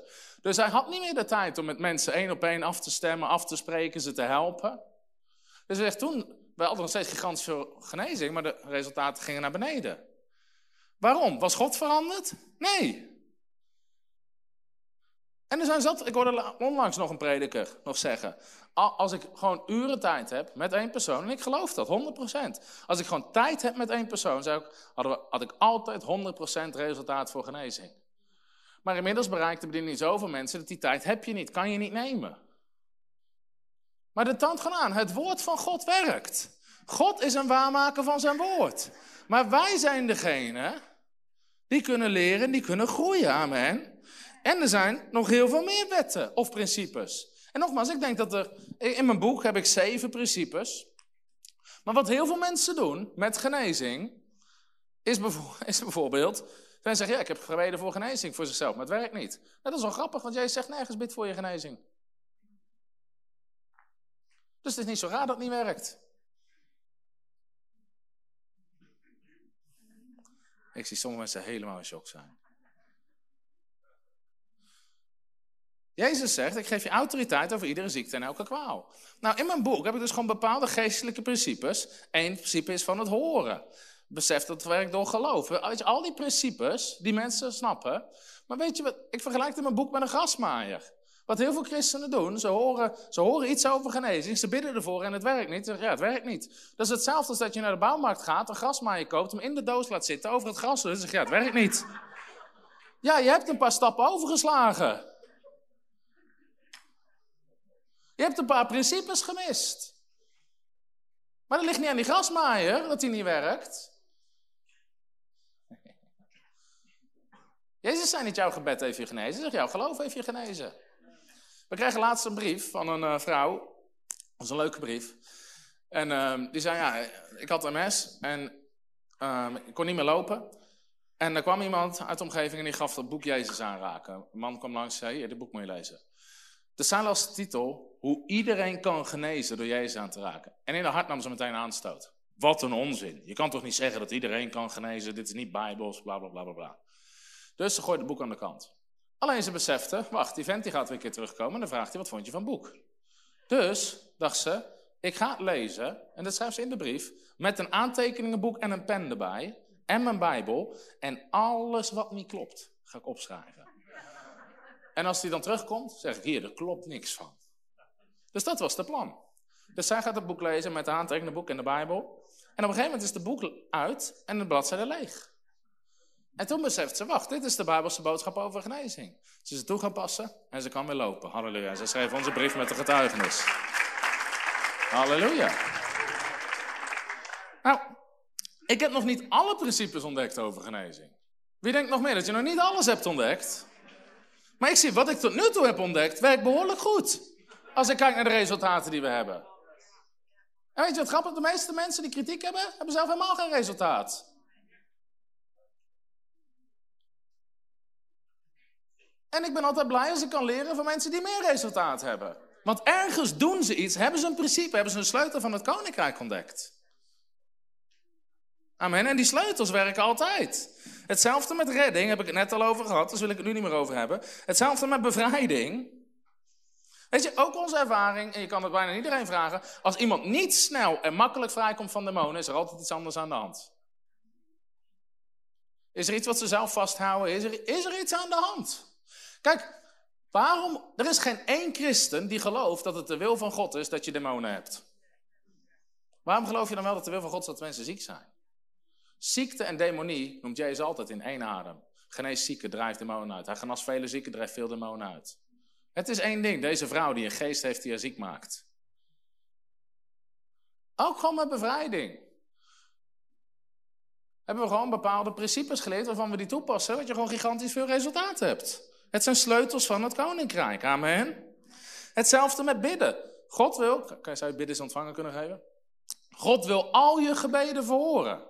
Nou, dit was grappig toen we dit boek uitbrachten, bidden is ontvangen. De ondertitel is, een ieder die bidt ontvangt.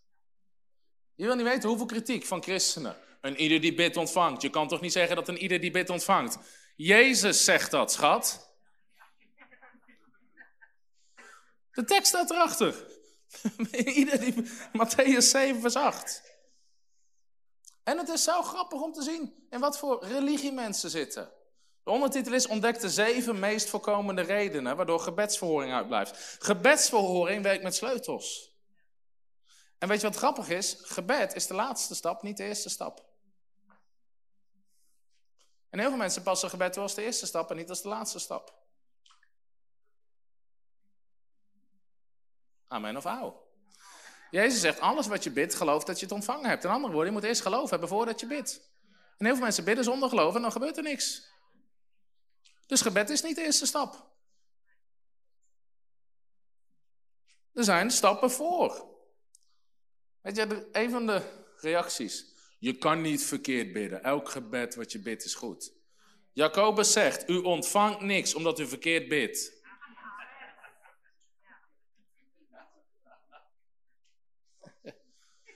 Je moet jezelf in lijn brengen met er zijn geestelijke wetten voor gebedsverhoring. En als je jezelf ermee in lijn brengt, werkt het altijd. Dus een van de principes ook is geloof. Je moet geloven dat je het ontvangt. En dat je het ontvangen hebt op het moment dat je bidt. Niet op het moment dat je het ziet, op het moment dat je bidt, geloof je dat je het hebt. En geloof komt. Hoe komt geloof? Door het horen van het woord. Dus je moet eerst uitvinden wat het woord van God zegt. Over waar jij voor bidt, dan moet je zorgen dat je er geloof voor hebt. En dan ga je bidden in geloof. Nou, als je al die stappen overslaat, kan je eens goed niet bidden. Kan je eens goed Twinkle Twinkle Little Star zingen. Want je bent weer die grasmaaier over het gras aan het duwen zonder hem uit de doos te halen. En zo zijn er meer redenen die de Bijbel geeft. De Bijbel spreekt over bidden naar Gods wil. Dus je moet eerst weten of wat jij bidt de wil van God is. Nou, alles wat God heeft voorzien in genade in Christus is de wil van God. Maar als je voor iets bidt waarvan je niet weet wat het de wil van God is, voor een baan of een partner of wat dan ook. Weet je wat veel christenen doen? Ze bidden als het uw wil is, amen. En vervolgens wachten ze af en als het niet gebeurt, zeggen ze, was niet Gods wil. Nee, Oen, jij moet eerst uitzoeken of het de wil van God is en dan erin geloof voor bidden. Dus je vraagt eerst aan God en daarom moet je leren de stem van God te verstaan. Heer, is dit uw wil? En als God zegt nee, hoef je er ook niet voor te bidden, zit je ook niet met onverhoord gebed. Zou ik nog nooit leren bidden, zeggen sommige mensen. Dan is het tijd dat je zou leren bidden. Het werkt met dat soort principes. En daarom heb ik in dit boek ook, ik heb gewoon zeven principes gevonden. Sleutels van het koninkrijk. Wat Jezus en de apostelen zeggen over gebed. Een andere sleutel over gebed is wandelen in liefde. Zal ik het je laten zien vanuit het woord? Johannes 15, vers 16 en 17. Ik ben je niet aan het vervelen, hè? Anders ging toch door.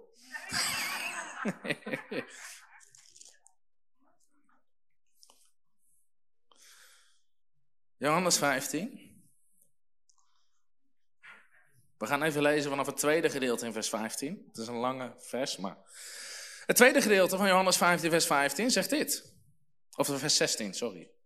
Johannes 15, vers 16, tweede gedeelte van vers 16. Opdat wat u ook maar de Vader vraagt in mijn naam, dat hij dat u geeft. Vers 17, dit gebied ik u, dat u elkaar lief hebt. Meteen nadat jij zegt, alles wat je vraagt geef ik u, maar dit is mijn gebod. Dit is niet een optie, dit is een gebod. Iedereen zegt een gebod. Dat u elkaar lief hebt. In andere woorden, als je je broeders en je zusters niet lief hebt. Oké, op één been kan je niet lopen. Ga maar in 1 Johannes 3.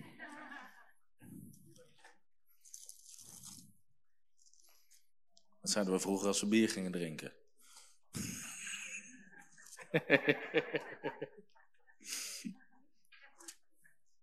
voor je bekering.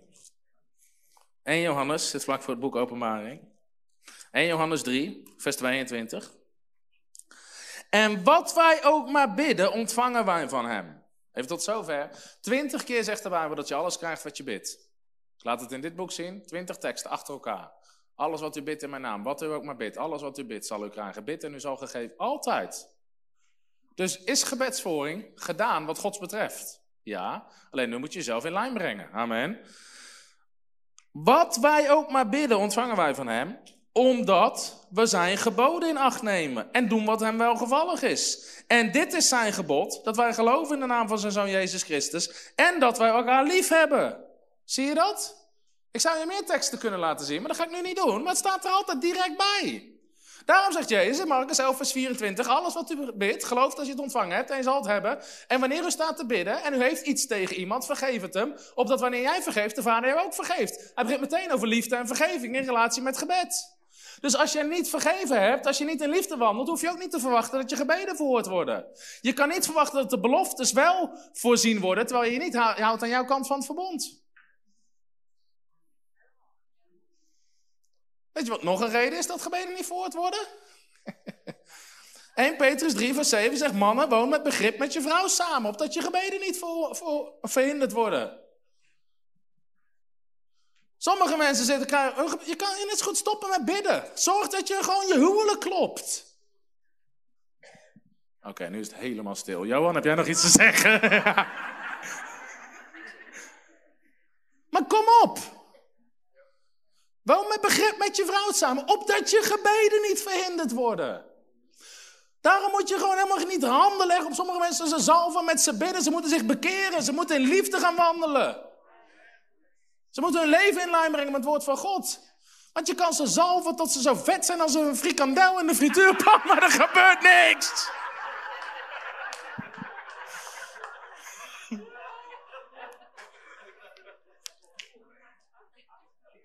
Sommigen zien eruit als een frikandel uit de frituurpan.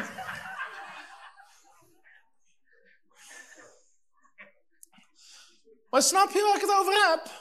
En ik ga nu niet diep op individuele dingen in. Maar ik haal gewoon wat dingen aan. Maar van Gods kant is het altijd gedaan. Maar jij moet de sleutels van het koninkrijk ontdekken. Jij moet ze in geloof gaan toepassen en gaan openen. En het zal altijd werken.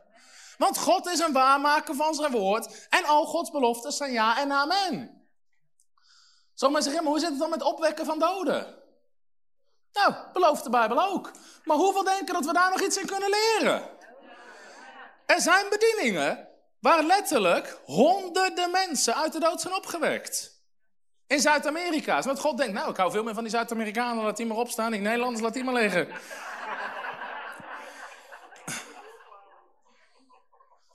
Voor sommige mensen wil je niet dat ze opstaan.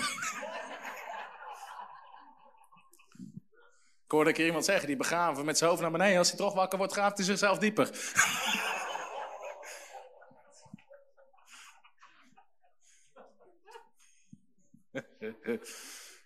Zal maar zeggen, maakt hij dat soort grappen? Ja hoor, geen probleem. Maar mijn punt is, ik denk dat we daar nog wat te leren hebben. Er zijn nog heel veel dingen die we niet ontdekt hebben op dat gebied. Hoe dat werkt, wanneer wel, dat, zijn allemaal dingen die we niet ontdekt hebben. Ik sprak die man die de bediening leidt in Zuid-Amerika. Waar letterlijk honderden mensen onder zijn bediening werden opgewekt uit de dood. Dus ik vroeg hem gewoon, hoe, hoe werkt dat in het Westen? En hij zegt, hij zegt gewoon, het werkt precies hetzelfde als mensen het gaan doen. Nou, een van de principes, hij zegt gewoon, om in de kracht van God erover te wandelen, is bidden en vasten. Niet dat iemand wordt opgewekt, maar dat je constant in die kracht van God wandelt. Dus hij vertelde het verhaal dat hij een kerk in een westerse kerk moest overnemen. Die voorganger ging een half jaar weg. Die had gevraagd, wil jij die kerk leiden? Hij zegt, dat wil ik wel doen, maar dat doe ik op mijn manier. En die voorganger zei, is goed, doe wat je wil. Dus hij zat de eerste zondag, hij zat zich aan de worship te irriteren. was geen zalving, was geen aanbidding, was helemaal niks. Hij zei, bent, ga zitten. Hij pakte een stoel, zette hem op het podium. En zei, ik ben jullie nieuwe voorganger. Vanaf nu af aan is iedereen aan het bidden en het vasten. Tot ik zeg dat we stoppen met bidden en vasten. Uitgezonderd baby's en zwangere vrouwen. En hij begon ze gewoon mee te nemen in het woord. En heel de gemeente moest verplicht bidden en vasten. Hij zegt, want de kracht van God hebben we nodig in deze plaats, in plaats van deze lauwheid. Het resultaat was dat binnen een maand de eerste persoon in die kerk werd opgewekt uit de dood. Waarom? Hij begon met bepaalde principes, hij begon een bepaalde cultuur, hij begon iets te doen waardoor dat gebeurde. Ik denk dat er heel veel dingen zijn die we zouden kunnen leren op dit gebied, maar ik weet wel dat God is een waarmaker van zijn woord. Amen. Op ieder gebied. Weet je hoeveel bedieningen en kerken er zijn die financieel tekort hebben? Dat ligt niet aan Jezus. Jezus houdt zijn kerk niet arm. In Lucas 22, vers 3 zegt Jezus, heeft het u aan iets ontbroken toen ik u uitzond? En ze zeiden aan niets, Heer. Als Jezus je uitzond, zul je niks gebrek hebben. Als je wel gebrek hebt, is er iets anders aan de hand. Er zijn heel veel aan het bidden en vasten voor voorziening, maar voorziening werkt niet met bidden en vasten. Voorziening werkt met zaaien en oogsten. Voorziening werkt door geloof. Je wil niet weten hoeveel mensen ik vraag. Uh, kan je even nummers doorsturen van een paar rijke christenen? Uh, wie financiert jullie bediening? Ik zeg, we hebben een hele oude rijke Jood, die betaalt alles. Oh, wat is zijn naam? Jezus Christus, de Zoon van God. Maar ik hoef niet te bidden voor voorziening. We zaaien en we oogsten en we geloven. Dat zijn een aantal sleutels. Ik heb twintig principes ontdekt in het woord van God. Die gekoppeld worden aan de zegen en voorziening. Twintig. En hoe meer ik ze doe, hoe meer we gezegend worden. En bidden is er geen één van.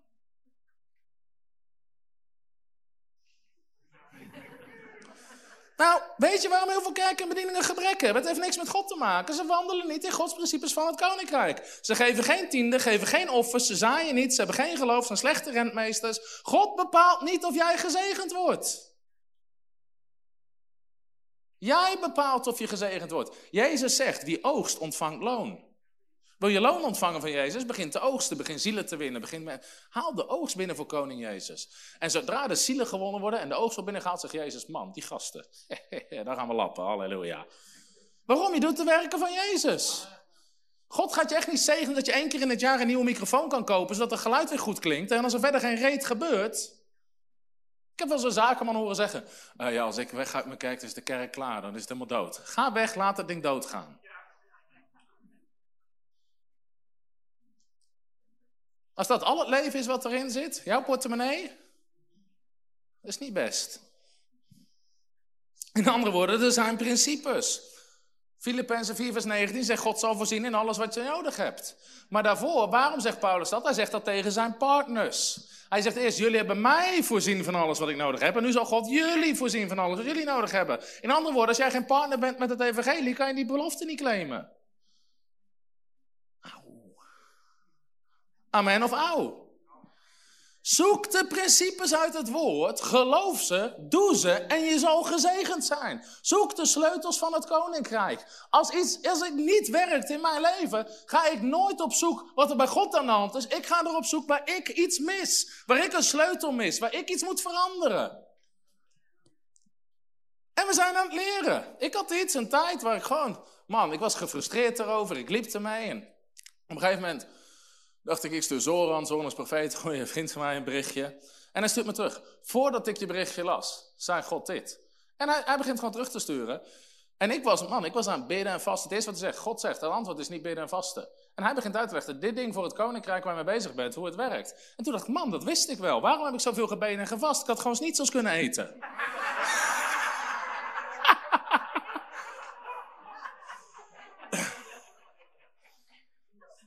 Maar omdat ik gefrustreerd was, dacht ik, man, bidden, vasten. Maar wat, wat, wat, waar ik naar op zoek was, had niet, was niet gerelateerd aan bidden en vasten. Dus ik stond met een verkeerde sleutel op die deur. Snap je dat de sleutels zijn in het koninkrijk? Dat de hele geestelijke wereld zo werkt met geestelijke wetten. God zegt nooit nee. Laten we nog één keer lezen. 2 Korinthe 1 vers 20. Ben je gezegend door deze preek? Nou, dat is ook de reden dat we met Greater Faith en ook met Johan hebben afgestemd. Van, we gaan niet iedere avond gebedsoproepen doen. Want veel dingen waar we over preken, heeft niet te maken met gebed. Weet je, Johan had vrijdag of donderdag kunnen zeggen... Oh, als je nog geen geliefde zoon voelt, of als je nog niet voelt dat je identiteit hebt, kom naar voren en we gaan voor je bidden. En iedereen komt naar voren, maar het werkt niet door gebed. Ik kan 56 liter frituurvet over je heen zalven, maar daardoor ga je niet voelen dat je geliefde zoon van God bent. Je gaat het pas doorkrijgen als je gelooft dat het woord van God zegt. Dus bidden kan juist dingen minder krachtig maken dan krachtiger. Jezus zegt niet bediening zet je vrij, waarheid zet je vrij. Ik bid voor steeds minder mensen.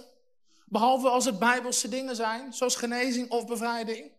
Maar soms ook als ik niet over genezing gepreekt heb en iemand komt naar en zegt, eh, ik heb genezing nodig, zeg ik, kom maar naar de campagne. Waarom niet? Omdat God op dat moment niet wil genezen. Maar ik weet niet waar hun geloof zit en ik weet wel dat ik dan geloof ga preken ervoor. Komen zoveel mensen, uh, Tom, bid voor mij. Waarvoor? Ach, niks specifieks. Oké, ik geloof altijd dat ik ontvang wat ik bid. Heer, ik bid dat deze persoon niks specifieks ontvangt. In Jezus' naam, amen.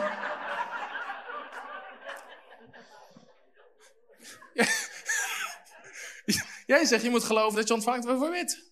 Wat wil jij? Ach, niks specifieks. Oké, krijg je niks specifieks. Laat me weten als je dat is wel voor, dan kunnen ze meteen teruglopen. Ik heb het, ik heb het, ik heb het. Uh, bid voor mij, waarvoor voor wijsheid? Nou, Jacobus zegt, als iemand van uw wijsheid tekort komt, staat er niet, laat die Tom de Wal roepen. Zeg, laat hem aan God vragen. Man, ik ben niet jouw priester. Je voorganger is niet je priester. Leer zelf bidden. Dat je, dat je niet iemand nodig hebt, maar dat je zelf krachtig staat met God. Amen. En daarom wandel je niet door gevoel. zeg, man, als ik zou wandelen door gevoel, zou ik ook gebed vragen. Johan, bid voor mij, Johan, bid voor mij. Heel gebedsteam. Snap je? Het is de waarheid wat mensen vrijzet. Daarom kan bidden soms dingen minder krachtig maken dan krachtiger na een dienst. Je kan hele oproepen doen op emoties. Ach, voel je je geraakt? Prima, ga ermee aan de gang. Weer een foto voor op Facebook van het hele, hele altaar vol. Moet je kijken hoeveel mensen reageren op die oproep. Ja, ik heb wel eens gezien hoe je oproep doet. Voel je geraakt, voel je niet geliefd, voel je wel geliefd, kom maar naar voren. Ja.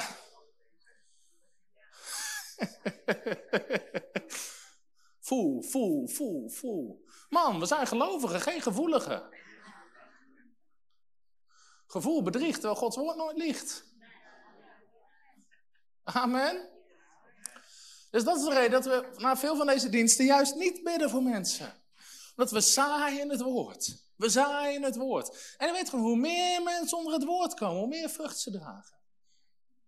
Dus als mensen, ook als mensen niet genezen in een genezingsdienst, is er niks aan de hand. Kom maar onder het woord. Spreuken 4 zegt, houd het woord voor ogen. Ze zullen een medicijn zijn voor je hele lichaam. Maar er staat, houd het continu voor ogen.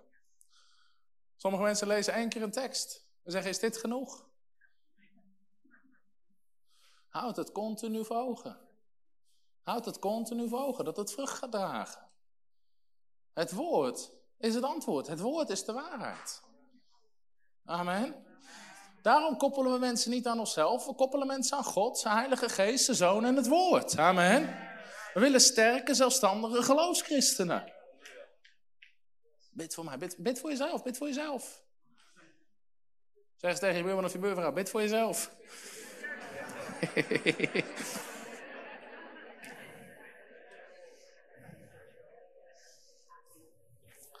2 Korinthe 1, vers 20.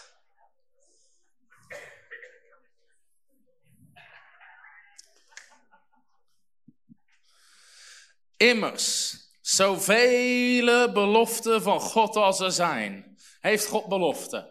Over voorziening, over genezing, over redding, over rechtvaardiging, over bevrijding, over al die dingen meer. Zoveel beloften van God als er zijn. Die zijn in Hem ja en in Hem amen. Tot verheerlijking van God door ons. Halleluja. In Hem worden alle beloften van God ingelost. Halleluja. Daarom is het ook door hem dat we amen zeggen. Zo is het. Weet je, het antwoord komt als mensen zeggen, zo is het. Dus je vindt uit wat het woord van God zegt. Die zegt, zo is het. En je gaat het doen. Amen. Want Christus zelf is Gods ja. Christus zelf is Gods ja. Je hoeft nooit te twijfelen of God wil redden, of God wil zegenen, of God wil genezen, of God wil bevrijden. Christus zelf is Gods ja.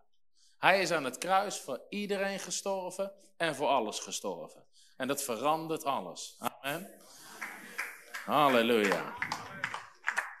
Al Gods beloftes zijn door Christus uitgekomen. Halleluja. Dus snap je nu waarom ik zeg, God bepaalt niet of jij genezen wordt. God bepaalt niet of jij gezegend wordt. God bepaalt niet of jij gered wordt.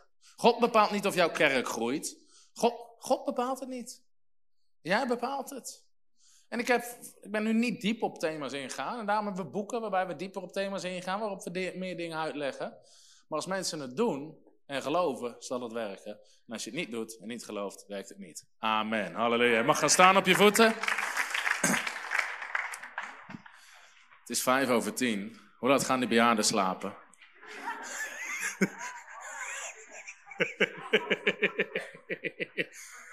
Ik dacht, we gaan nog uh, zingen naar huis. Hey, my God is good. Oh. Halleluja. Glory, durf je die bejaarden wakker te houden? Glory wel. Is Glory weer opgenomen in de Glory Cloud? Het zou lekker zijn toch om deze conferentie dansend naar huis te gaan. Halleluja. Ik loop even het podium op.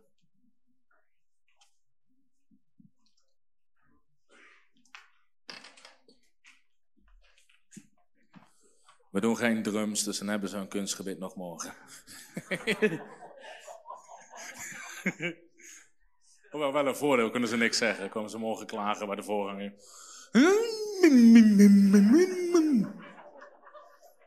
Geen idee.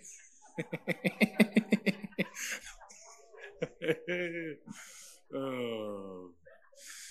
Ik denk dat hij zo wel aankomt. Halleluja. Oké, terwijl Glory eraan komt. Glory, we gaan zachtjes de bejaarden wakker houden. Terwijl hij eraan komt. Ben je gezegend deze dienst? Halleluja.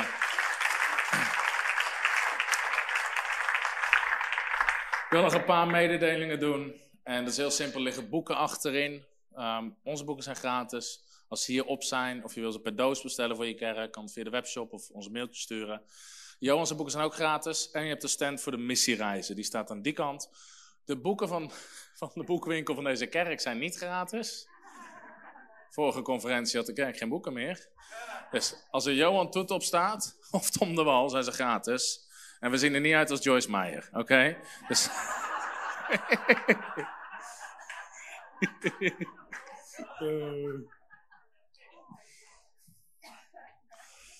Helaas, dames. Maar... En verder, achterin staat de Revival and Ministry School stand. En Stefan, zwaai eens even iedereen, Stefan is dat hier. Zijn er hier mensen die ervaart een roeping op je leven voor voltijdbediening, om te preken, om kerken te stichten, om steek je hand in de lucht? Oh, kijk, best wel een hoop. Wauw, geweldig. Achterin hebben we de Revival and Ministry School. En we gaan die school starten. En misschien kunnen we toch even het filmpje laten zien. Omdat ook voor de mensen, het duurt maar een minuut.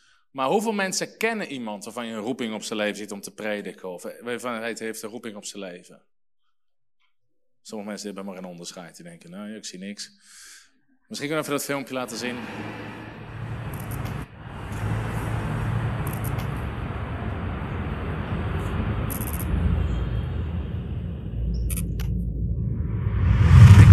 nieuwe kerken gesticht gaan worden die vol gaan stromen. Ik geloof dat er nieuwe bedieningen gestart gaan worden. Ik geloof dat er campagnes gedaan gaan worden in iedere stad. Ik geloof God voor opwekking in dit land. We kunnen ook geconcentreerd kijken naar wat het woord van God zegt en wat God ons belooft. Daarvoor in geloof gaan staan, dat ontvangen en ons land veranderd zien worden door de glorie van God. Amen. Halleluja.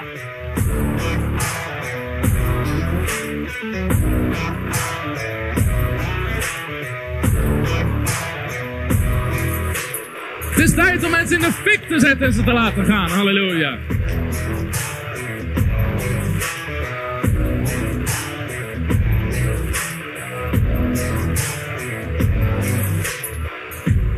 Er is geen opwekking zonder opschudding. Daarom zeg ik net, we hebben niks nieuws nodig. We moeten het gewoon gaan doen.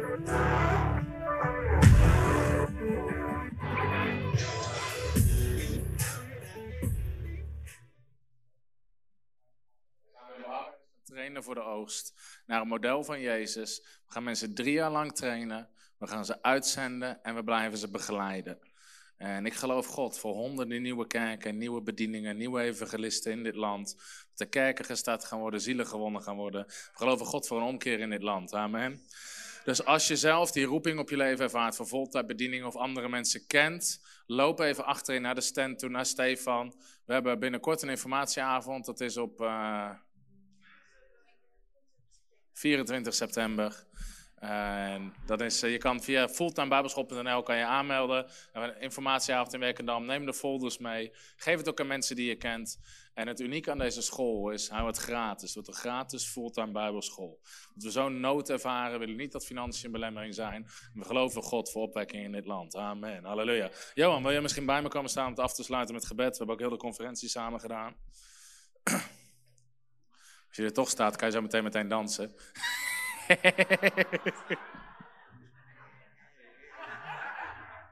oh, halleluja. Hallo, Tom de Wol hier en bedankt dat je weer geluisterd hebt naar onze podcast. Ik bid dat het je geloof gebouwd heeft en je bemoedigd bent. Als je niet alleen een luisteraar van onze boodschap wil zijn, maar ook een verspreider daarvan, wil ik je uitnodigen om partner te worden van Frontrunners.